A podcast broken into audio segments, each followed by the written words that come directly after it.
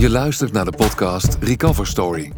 Ik ben Rogier van Oosterhout en ik spreek met mensen die vanuit een levensontwrichtende ervaring de weg naar herstel, ontwikkeling en ontplooiing hebben gevonden en hun verhaal met jou willen delen. Ik ben Patty Manders. Ik ben 44 jaar. Ik heb eh, vier kinderen, vier meiden in de leeftijd van 15, een tweeling van 13 en mijn jongste is 10.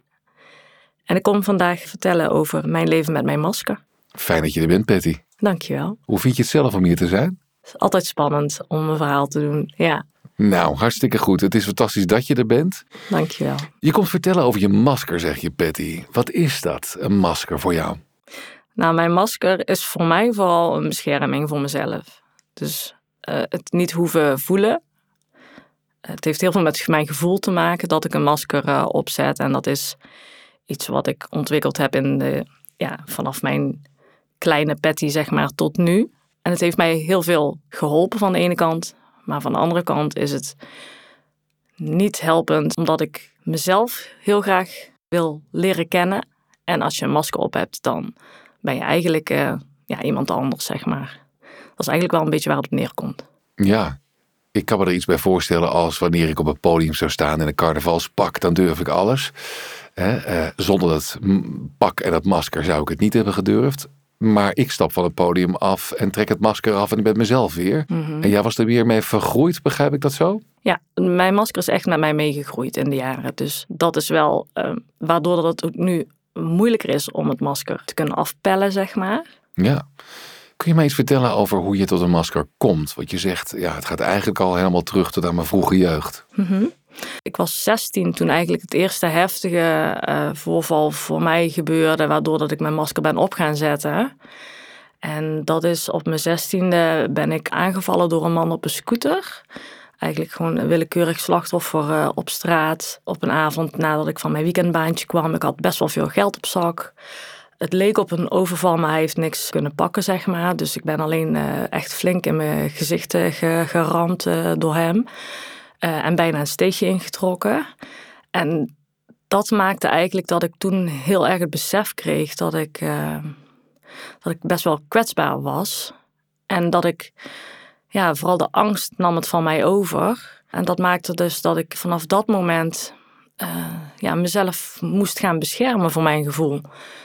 En mijn omgeving die heeft daarin vooral eh, heel erg gezegd van ja, Betty, weet je, rug recht, schouders eh, naar achteren, hoofd omhoog. hè, want als je naar beneden gaat kijken en je kijkt niet om je heen en je bent niet alert, dan maak je alleen nog maar meer kans dat dit soort dingen gebeuren. Dus ja, dat zorgde er voor mij wel voor dat ik eh, bewust ging nadenken over oké, hoe zorg ik dat ik veilig blijf en ben als ik alleen over straat loop. Daarna, nou, nog geen jaar later, ben ik eh, in een discotheek op zaterdagavond anderhalf uur lang gegijzeld door vier meiden uit hetzelfde dorp. Het was ook een, een dorpsdiscotheek eigenlijk. En die meiden stonden al bekend om dat ze ook willekeurig meisjes zeg maar, in elkaar sloegen. En dan was het vaak eh, ja, wat ik toen al gehoord had met eh, kapotte bierglazen en bewerken. Dus ik was, al, ik was al heel erg bang voor dat groepje. En toen ik dus naar het toilet ging, toen hebben ze mij ook gewoon eh, ja, echt vernederd, in elkaar geslagen. anderhalf uur lang vastgehouden op het toilet. Ja, je bent al 17, dus ik was gewoon zo, ik werd gewoon overal bang voor eigenlijk. Dat is eigenlijk een beetje waar het op neerkomt. En ik had in de gaten dat als ik mijn masker ophield en mij toch maar sterker voordeed naar buiten dan dat ik eigenlijk was, dat mij dat wel hielp. Ja, om maar te hopen en te geloven dat ik dan niet nog een keer gepakt zou worden door iemand. En het heeft natuurlijk niet geholpen dat ik elke keer weer een willekeurig slachtoffer ben geweest. Dus ja, dat maakte mij wel extra kwetsbaar, denk ik. Ik, ik vind het vreselijk om te horen allemaal. Ik kan me voorstellen dat je op een gegeven moment denkt, hoe kan ik mezelf beschermen? En als mensen dan zeggen, ja, je moet rechtop staan, schouders recht en kijk naar boven. Dat je dan gaat denken dat het te maken heeft met wat je uitstraalt. En dat je, daar, hè, dat je daar heel veel moeite voor gaat doen. Ja, dat is dus wel wat er gebeurd is. Dat ik mezelf anders heb moeten voordoen dan dat ik eigenlijk was. En ik denk dat ik daar ook het meeste moeite mee heb gehad. Dat ik moest mezelf gaan veranderen om ervoor te zorgen dat ik veilig was. Terwijl dat ik de wereld op dat moment helemaal niet zo zag. Sommige mensen noemden mij dan ook naïef. van ja, donker over straat lopen, dan let je toch wel op. Ik heb het wel betrokken op mezelf op bepaalde punten. Dus ik dacht, ja, als ik de enige ben die er iets aan kan doen, dan moet ik er iets aan gaan doen. En dan is het masker opzetten voor mij wel een manier geweest. Ja. En zo'n masker opzetten, wat doe je dan? Is, doe je letterlijk een, handeling of, of beeld je iets in? Hoe werkt dat? Ja, het lijkt wel een staat van zijn of zo, die ik me dan toch wel aanneem. Dus ik zit vooral ook veel in mijn hoofd. Dat betekent dat ik echt wel mijn gevoel uitzet. En op de momenten dat ik 16 en 17 was, eh, toen was het echt nog van: oké, Patty, weet je wel, niet uh, laten merken dat je bang bent, uh, of verdrietig of angstig. Dus dat is, um, toen was dat echt bewust. En ik moet zeggen dat het uh, eigenlijk is gaan verweven in mijn zijn door de dingen die er later na nog gebeurd zijn. Dan kom je eigenlijk op het punt dat ik uh, ehm, 26 was. Toen heb ik mijn uh, ex-man leren kennen. En met mijn ex-man uh, ben ik tien jaar getrouwd mee geweest. En daarin ben ik ook structureel mishandeld, zowel fysiek als mentaal. En dat heeft er voor gezorgd dat ik mijn masker alleen nog maar ophield op een gegeven moment. Omdat dat voor mij het veiligste was. Ja, dus ik, ik en mijn hoofd, dat was veilig. En de rest daarbuiten, dat was voor mij niet veilig op die momenten. Um, dus structureel ben ik hem eigenlijk op gaan zetten of op gaan houden. Waardoor dat ik tien jaar later, dus toen ik van mijn ex-man ben gaan scheiden, gewoon helemaal niet meer wist wie ik was. Dus dat maakt dat ik in die tien jaar dat ik met hem getrouwd ben geweest, eigenlijk dat masker alleen nog maar dikker ben gaan maken. Want hoe dikker, hoe veiliger. Ik, het is bij mij letterlijk is mijn gevoel er ook uitgeslagen in die tien jaar. Dus ik, mocht niet huilen, ik mocht niet zuchten. Ik mocht niet laten merken dat ik een emotie had. En ja, als je dat tien jaar lang moet doen, dan ben je uiteindelijk, nou ja, ik noemde het, ik voelde me net een zombie eigenlijk. Een, een robot. Ik kon alleen nog maar ja, eigenlijk, ik, ik kon niet eens zelf meer denken. Want dat, als ik zelf dacht, was ik eigenlijk alweer bang dat als hij erachter zou komen wat ik zou denken, dat dat niet goed zou zijn geweest en er weer een negatieve consequentie aan vast zou zitten. Dus voor mij was het heel fijn om dat masker op te houden, want dan hoefde ik ook niet eh, bang te zijn dat ik iets ging voelen. Eh, het is mijn overlevingsmechanisme geweest in, uh, tijdens mijn huwelijk. Maar om mezelf te leren kennen, moest dat masker wel weer af. En ook om weer te leren voelen. Want voelen is voor mij nog steeds uh, wel een groot ding. In de zin van uh, dat ik dat eng vind. Um, omdat er altijd aan het voelen een negatieve consequentie heeft gezeten. Ik vind het nog steeds spannend om naar mijn gevoel te gaan. En ik durf het wel af en toe aan te raken. En dan uh, zit ik het liefst weer in mijn hoofd. Dus dat is voor mij eigenlijk ook wel weer die, die veiligheid. Maar het is eigenlijk schijnveiligheid, noem ik het nu. Want dat zie ik nu ook wel. Ik probeer me er eens bij voor te stellen hoe dat dan is om helemaal niet te voelen. Hè? Mhm. Als je nou naar het bos gaat en je ruikt de natuur en je hoort de vogels. En mag dat binnenkomen? Nee, dat, dat, dat, is grappig dat je dit nu zo zegt. Want um, ik ben me er pas sinds twee jaar bewust van. Uh, en het wordt alleen maar steeds meer dat als ik buiten ben met wat ik om me heen zie.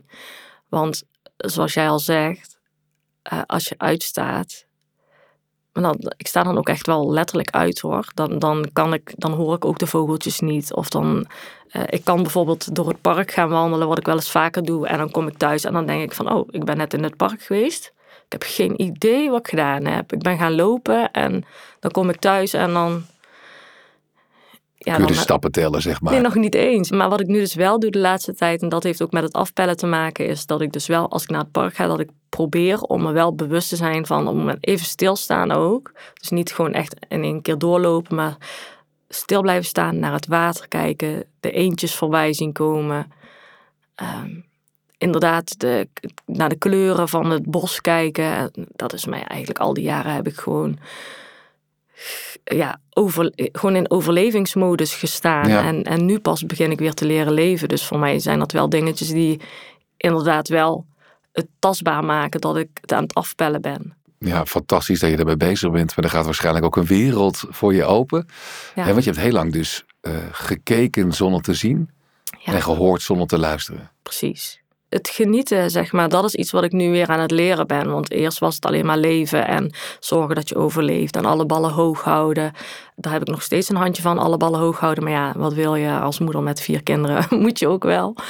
Maar ik probeer me wel ja, terug te zetten naar momenten dat ik uh, denk van oké, ik moet er ook van kunnen genieten. Die vier kinderen die worden groter en de jaren gaan voorbij. Maar ik probeer me wel bewuster ook met hun bezig te houden. Door ook uh, de verbinding met hun vooral ook op te zoeken. Door hele kleine dingetjes met ze te gaan doen. Steentjes kleuren en, uh, ze verstoppen in het park.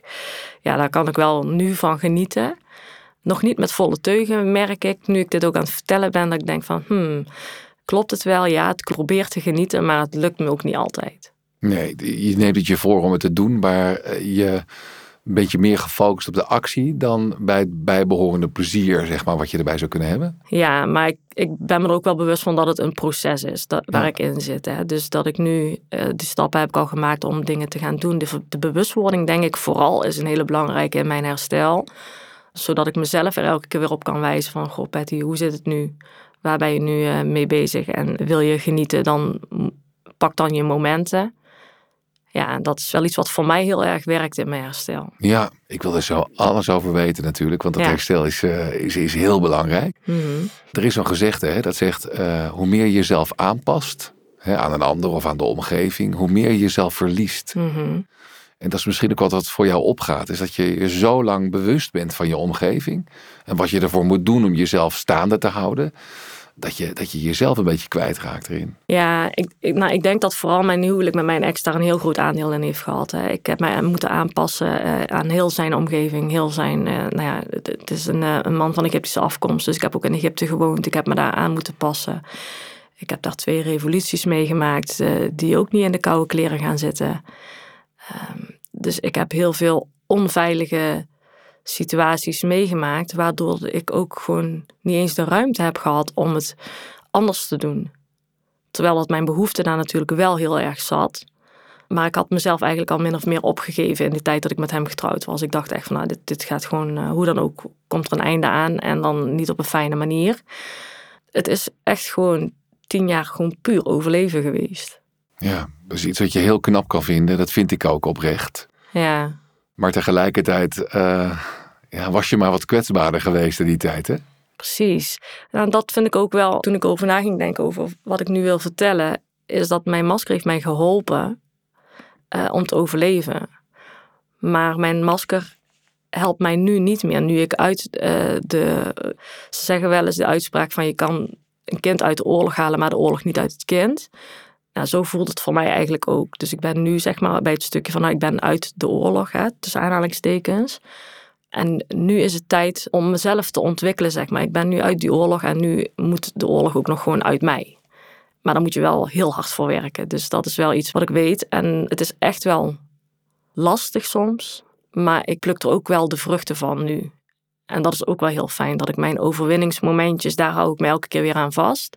En dat zorgt ervoor dat ik gewoon ja, mijn motivatie ook kan houden om te herstellen. Je hebt het namelijk over herstel, maar je hebt een keer de weg naar dat herstel moeten vinden. Hè? Hoe is dat voor jou geweest? Waar kwam je terecht? Nou, voor mij is mijn herstel pas echt begonnen op het moment dat ik bij Fameus terecht kwam als uh, vrijwilliger. Fameus is een uh, centrum voor herstel, ontwikkeling en ontplooiing alleen al in de omgeving te zijn van mensen die allemaal bezig zijn met hun herstel op verschillende gebieden. Dus dat kon zijn met een cursus. Nou, ik ben als vrijwilliger binnengekomen. Ik heb traineeships gevolgd. En daarna ben ik cursussen gaan volgen. En inmiddels ben ik medewerker herstel binnen het centrum. Ik werk gewoon de hele dag met een omgeving die bezig is met herstel. Maar ik kan een ander niet helpen als ik mezelf niet help. En daar is eigenlijk het, ja, de essentie zeg maar, van mijn herstel ligt ook daar. Ik moet naar mezelf gaan kijken. Ik moet kijken van wat wil ik nu. Ik moet mezelf op de eerste plek zetten. vind ik heel erg lastig, want voor mij gaan anderen altijd voor. Fameus heeft me wel echt bewust gemaakt van wat ik zelf nog allemaal kan doen om mezelf te leren kennen. En dat is eigenlijk veel dichterbij dan dat ik uh, ooit gedacht had. En het zit gewoon in mij. Alleen ik moet er wel bij willen. En dat heeft ook weer met mijn gevoel te maken. Dus het weer voelen, ik vind het spannend. Uh, ik weet dat het een proces is. En mijn hoofd helpt mij wel om dat weer te relativeren. Maar ik ben zelf nog steeds op zoek naar de samenwerking tussen mijn hoofd en mijn gevoel. In plaats van alleen maar in mijn hoofd te zitten. Want ik ben eigenlijk elke dag bezig met herstel. Is het niet mijn eigen herstel? Is het het herstel van een ander? Of het uitdragen van mijn herstel? Ja, dat is wel wat mij helpt om in de goede flow te blijven zitten. Ja. Wat je aankijkt, achtervolgt je niet langer vaak, hè? Ja. Als je ervan wegkijkt, dan blijft dat maar weer terugkomen. Ik merk dat ik mijn masker binnen Van Meus echt wel af durf te zetten. Want Van Meus betekent voor mij ook veiligheid. Omdat ik weet dat daar iedereen in herstel zit. En iedereen zijn eigen kwetsbaarheid heeft. Uh, als die deur bij Van Meus dicht gaat en ik kom in de ja, boze buitenwereld, wou ik bijna zeggen. Maar ik wil niet dramatiseren. Maar het is wel zo als ik naar een winkel ga. Als ik buiten op straat loop. Als ik wandel. Ik ben nog steeds uh, alert Alert op gevaar? Of waar ben je alert op? Nou, alert op mijn omgeving vooral. Niet zozeer op gevaar, meer ik denk dat ik die fase wel voorbij ben. Maar het gedrag van anderen. Hoe ze naar je kijken? Ja, of hoe dichtbij ze komen. Of uh, als iets niet lekker voelt. Ik moet zeggen, ik heb wel wat voelsprieten ontwikkeld uh, in die jaren dat ik zeg maar uh, alleen maar onveiligheid heb gevoeld. Dus het lijkt wel alsof ik het nu ook echt wel... Ik, ik ruik onveiligheid wel op afstand. dus dat is voor mij wel stelt mij ook wel gerust, moet ik zeggen. Ik ben nog steeds zoekende een beetje in wat ga ik wel doen, wat ga ik niet doen. Dus ik ben echt bewust bezig met die stappen. En ik denk dat dat al een hele verandering in mijn leven is. Want eerst deed ik alles uh, onbewust en dan stond ik alleen maar op de uh, automatische piloot, zeg maar. En nu ben ik echt letterlijk elke dag bezig met wat ga ik vandaag doen? Waar ga ik mijn energie? Want die energie is natuurlijk beperkt. Ja, dat is ook omdat je heel veel gebruik maakt van je hoofd ook, hè? Ja, en dat is, dat is maar, we hebben maar beperkte capaciteit wat dat betreft. Ja, kan je wel zeggen. Ja, ik heb er respect voor, want ik, ik zou zoveel niet kunnen bedenken. Ja. Met het gevolg dat je ook veel vergeet natuurlijk, dat is de andere kant. Ook dat, ja. Het is blackouts, inderdaad heel vergeetachtig zijn. Dat, dat, dat zijn allemaal uh, tekenen. Um, als je het in een diagnose wil zetten, dan, uh, dan is het bij mij PTSS na huiselijk geweld. Nou, ik vind het niet zo belangrijk om de diagnose te noemen, maar ik vind het wel belangrijk om... Um, niet te vergeten dat daar inderdaad nog heel veel dingen bij komen. Zoals inderdaad blackouts en vergeten. Uh, heel weinig energie, lage energie. Mhm. Dat is nu wel iets waar ik gewoon uit probeer te komen. En zie je dat je het langzaam beter wordt? Ja, nou, wat mij vooral helpt daarin is dat ik niet alleen bij fameus zeg maar gehoord en gezien word, maar dat ik ook hulp ben gaan vragen door een sparringsmaatje zeg maar uh, te vinden, een herstelcoach, waar ik kan ontladen. Want voor mij is het kunnen ontladen en het weer kunnen opladen, ja, dat speelt voor mij echt wel heel erg op dit moment. Ik zie het een beetje als investeren in mezelf. Ja, dat is eigenlijk wat ik aan het doen ben. Ja, fantastisch. Met terugwerkende kracht eigenlijk, hè? Want... Ja, wat mij gewoon helpt is dat ik weet dat ik het heb. En dat ik ermee bezig ben. En dat het een vooruitgang heeft. En dat doet al heel veel. Ja. Jij geeft aan dat dat masker, dat je dat eigenlijk geleerd hebt altijd aan te hebben staan. Lukt dat ook thuis met vier kinderen? Nou, goede vraag. Um, totdat ik me er bewust van was, heb ik dat gewoon altijd zo gedaan. Omdat ik niet beter wist. Ik was nooit chagrijnig. Klinkt heel gek. En misschien was ik van binnen wel chagrijnig. Maar ik, ik liet het nooit merken. Dus bij mij was het altijd de vrolijke mama. Mama zorgt dat alles goed komt. Mama heeft overal een oplossing voor. Uh, zo ben ik met hun door het leven gegaan tot twee jaar geleden. En toen ik weer begon te voelen, toen, nou is misschien wel grappig om te vertellen. Um, op een dag kwam ik thuis en toen was ik me ook bewust van dat ik uh, gewoon niet lekker in mijn vel zat. Ik was gewoon echt chagrijnig. En toen dacht ik, oké, wat ga ik doen? Ga ik nu weer mijn masker opzetten en het niet laten merken aan de kinderen? Of ga ik ervoor zorgen dat de kinderen ook erachter komen dat mama ook maar gewoon een mens is en ook gevoel heeft? Want ja, dat is natuurlijk voor hun wel een hele omslag geweest toen dacht ik van nou, ik kan het op zijn minst proberen. Ik vond dat best wel spannend, moet ik zeggen. En toen zei een van de kinderen tegen mij, die zei van... Uh, Mama, wat heb jij? Wat is, wat, is, wat is er mis met jou? En toen zei ik van ja, ik zeg, ik ben gewoon chagrijnig. Ik zeg, mama is gewoon chagrijnig. En, en letterlijk heb ik het echt zo uit moeten spreken, bewust van...